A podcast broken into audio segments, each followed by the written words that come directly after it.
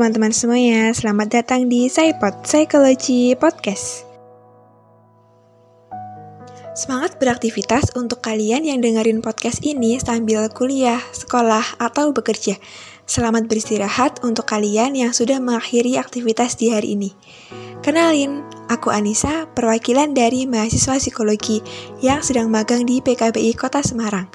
Nah, di podcast kali ini kita akan membahas sedikit banyak tentang long distance relationship atau gampangnya biasa kita sebut LDR.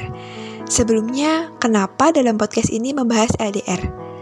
Karena usia remaja atau dewasa awal merupakan usia yang banyak menjalani hubungan dengan lawan jenis dan berdasarkan studi lapangan, saat ini cukup banyak pasangan LDR, apalagi efek pandemi kini ya. Uh, dan bahkan beberapa di antara kami juga sedang menjalani LDR. Um, ngomong-ngomong, kok bisa sih disebut long distance relationship? LDR bisa terjadi ketika suatu hubungan antara dua orang yang saling berkomitmen tidak dapat selalu berdekatan dan tidak dapat bertemu dalam kesehariannya karena berada di kota, pulau, bahkan negara yang berbeda. Biasanya di pasangan LDR banyak masalah-masalah yang bisa mengakibatkan hubungan akan berakhir. Biasanya juga pasangan LDR berakhir salah satunya karena faktor kualitas komunikasi yang kurang baik. Kualitas komunikasi itu apa sih? Nah, kualitas komunikasi adalah tindakan yang dilakukan untuk menyampaikan pesan kepada orang lain secara langsung atau tidak langsung, verbal atau nonverbal secara efektif. Efektif yang dimaksud adalah komunikasi yang dilakukan dapat memberikan pengaruh atau respon yang positif.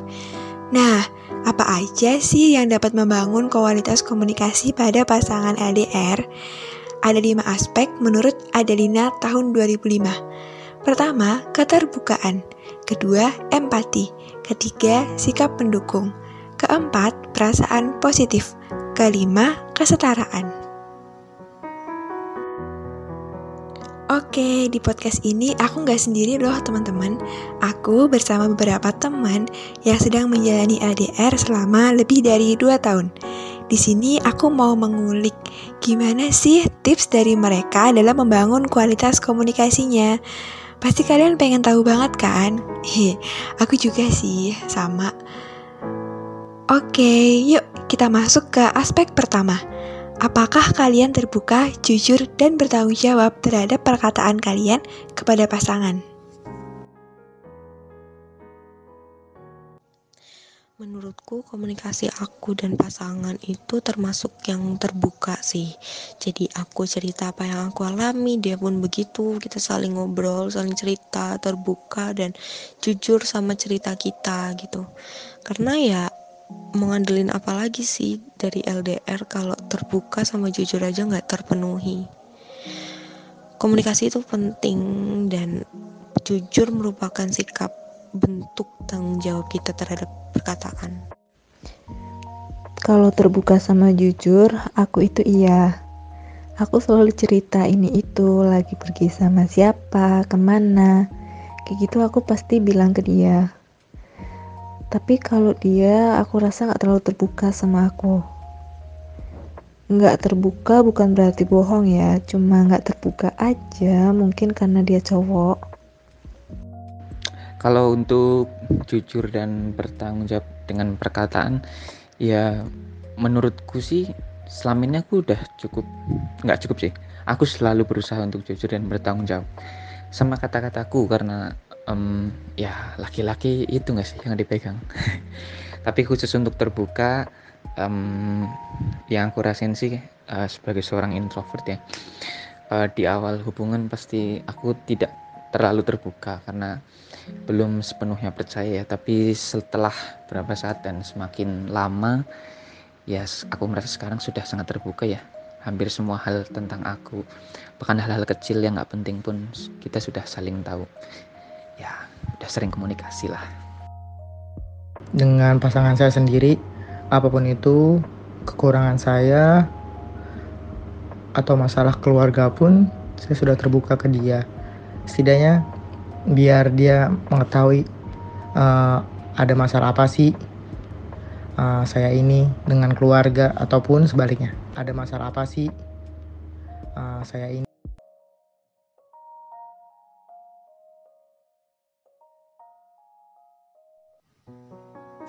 Penting banget nih teman-teman, keterbukaan kepada pasangan kita ya, seperti saling memberi informasi terkait diri masing-masing, melakukan komunikasi yang responsif, jujur, bertanggung jawab akan perasaan dan perkataan yang dimiliki dengan tidak menyalahkan pasangan, dan juga mampu merasakan pikiran ataupun perasaan pasangan kita.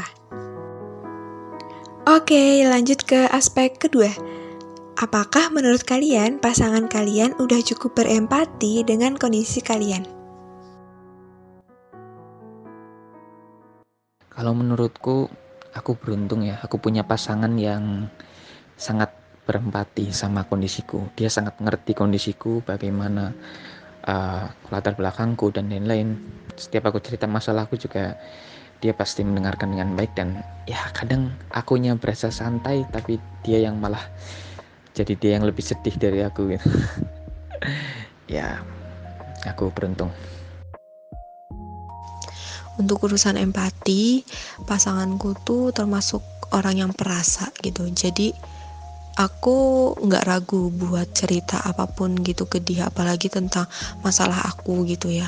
Karena dia tuh bisa paham apa yang aku rasain dan cara dia buat uh, menenangkan aku terus ngasih solusi gitu tuh aku suka gitu. Jadi aku lebih tenang kalau misal aku bisa cerita ke dia karena dia bisa ngasih aku empati itu. Kayaknya belum. Lebih banyak ke simpatinya. Uh, menurut aku udah cukup sih berempati uh, sama kondisi aku. Misal aku uh, maksudnya nggak hanya dalam kondisi senang tapi juga dalam kondisi susah kayak gitu. Ya cukup berempati.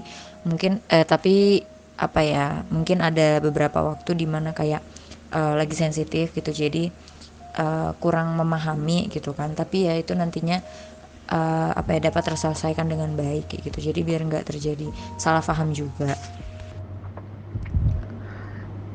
Iya sudah sangat berempati sekali uh, di saat kondisi saya sedang di bawah maupun sedang di atas atau saya lagi sakit pun dia selalu mensupport uh, selalu membuat pikiran positif biar saya tidak makin jatuh.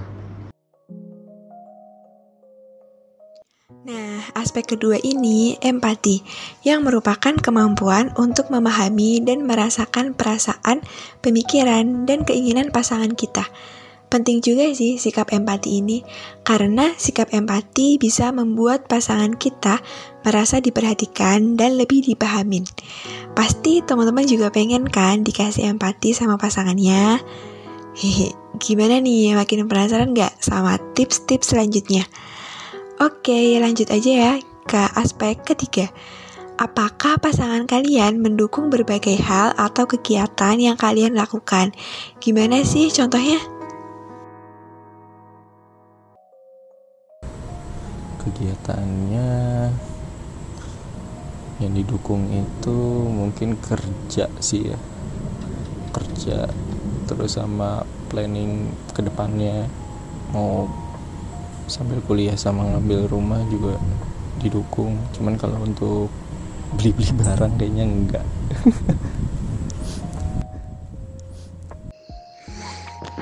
Mengenai empati pasangan jelas empati lah karena tadi ya kita saling terbuka jujur tanggung jawab. Akhirnya komunikasinya kita bisa terarah. Jadi uh, pasangan juga tahu masalah-masalah kita atau apa pun itu jadi kita bisa berempati satu sama lain biar saling menguatkan. Pasanganku selalu mendukung dalam berbagai hal jadi aku ikut apa pun dia tetap mendukung. Selama itu hal positif. Contohnya ya ikut organisasi dan ikut kegiatan-kegiatan kampus lainnya? Uh, mendukung banget sih menurut aku. Apa de mendukung apa-apa yang aku ikuti apa-apa yang aku lakukan gitu. Uh, jadi pasangan aku tuh apa ya memberi memberikan semangat terus juga um, mendukung. Selain itu juga nggak jarang memberikan apresiasi gitu kan. Jadi pastinya buat aku apa ya ya selama itu baik gitu jadi pastinya bikin aku senang juga Dari jawaban teman-teman nih, semua pasangannya saling mendukung ya. Itu artinya sikap mendukung emang penting banget untuk menjaga suatu hubungan. Selanjutnya, aspek keempat. Sikap positif apa yang kalian dan pasangan kalian saling tunjukkan?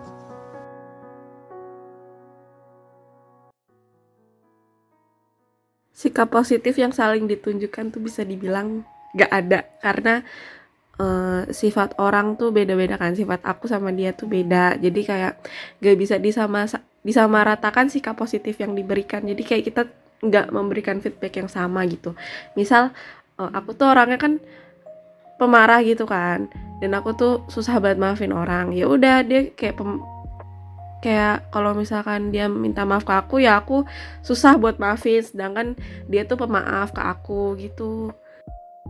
Sikap positif yang ditunjukkan um, mungkin lebih ke penerimaan ya. Uh, aku merasa setelah berapa tahun ini kita makin dewasa. Kita tahu masing-masing dari kita punya kekurangan ya masing-masing tapi ya kita bisa menghadapi itu. Kita udah tahu caranya bagaimana mengendalikan itu dan uh, mengelolanya ketika ada masalah datang. Jadi ya sikap positifnya ya kita tahu minusnya masing-masing. Tapi kita selalu berhasil mengatasinya sikap positif yang saling ditunjukin itu empati sih. Itu menurutku paling penting. Dan aku sama dia sama-sama melakukan itu gitu. Lainnya hmm, kayak pemaaf juga sabar gitu. Karena kan suatu hubungan gak bisa ada mayem terus ya. Jadi dua sifat itu juga diperlukan. Lebih sabar terus sama menanggapi sesuatu hal tuh dengan bijak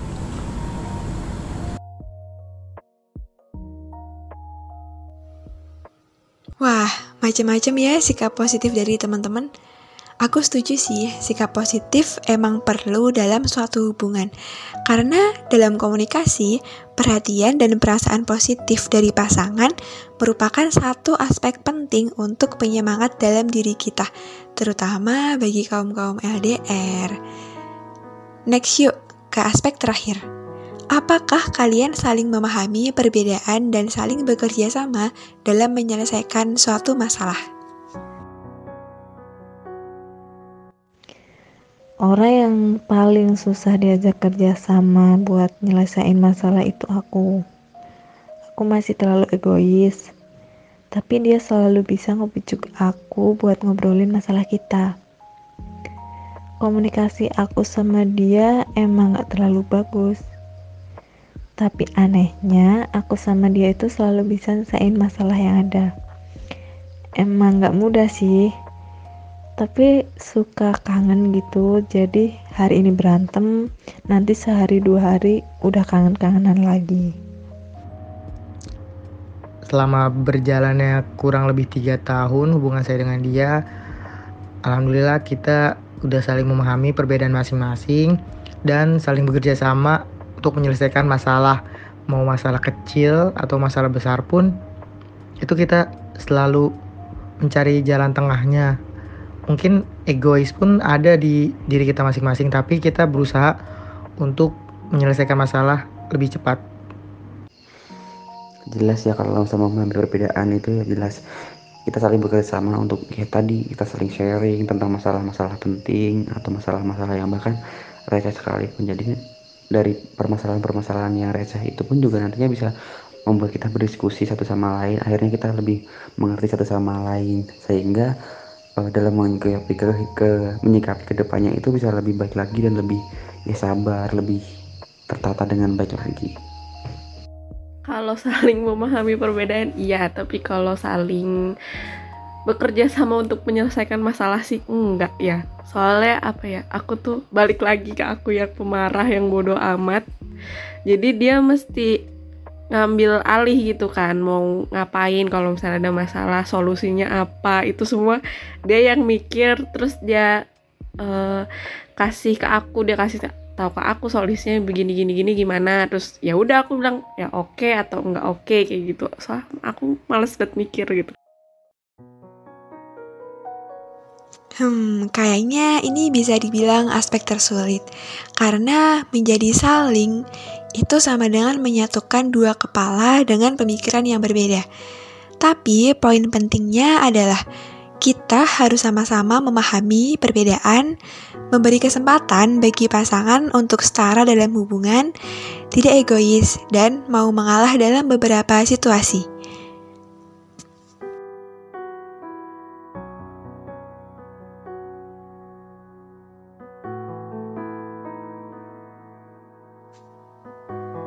Wah, ternyata lima aspek udah kita bahas semua.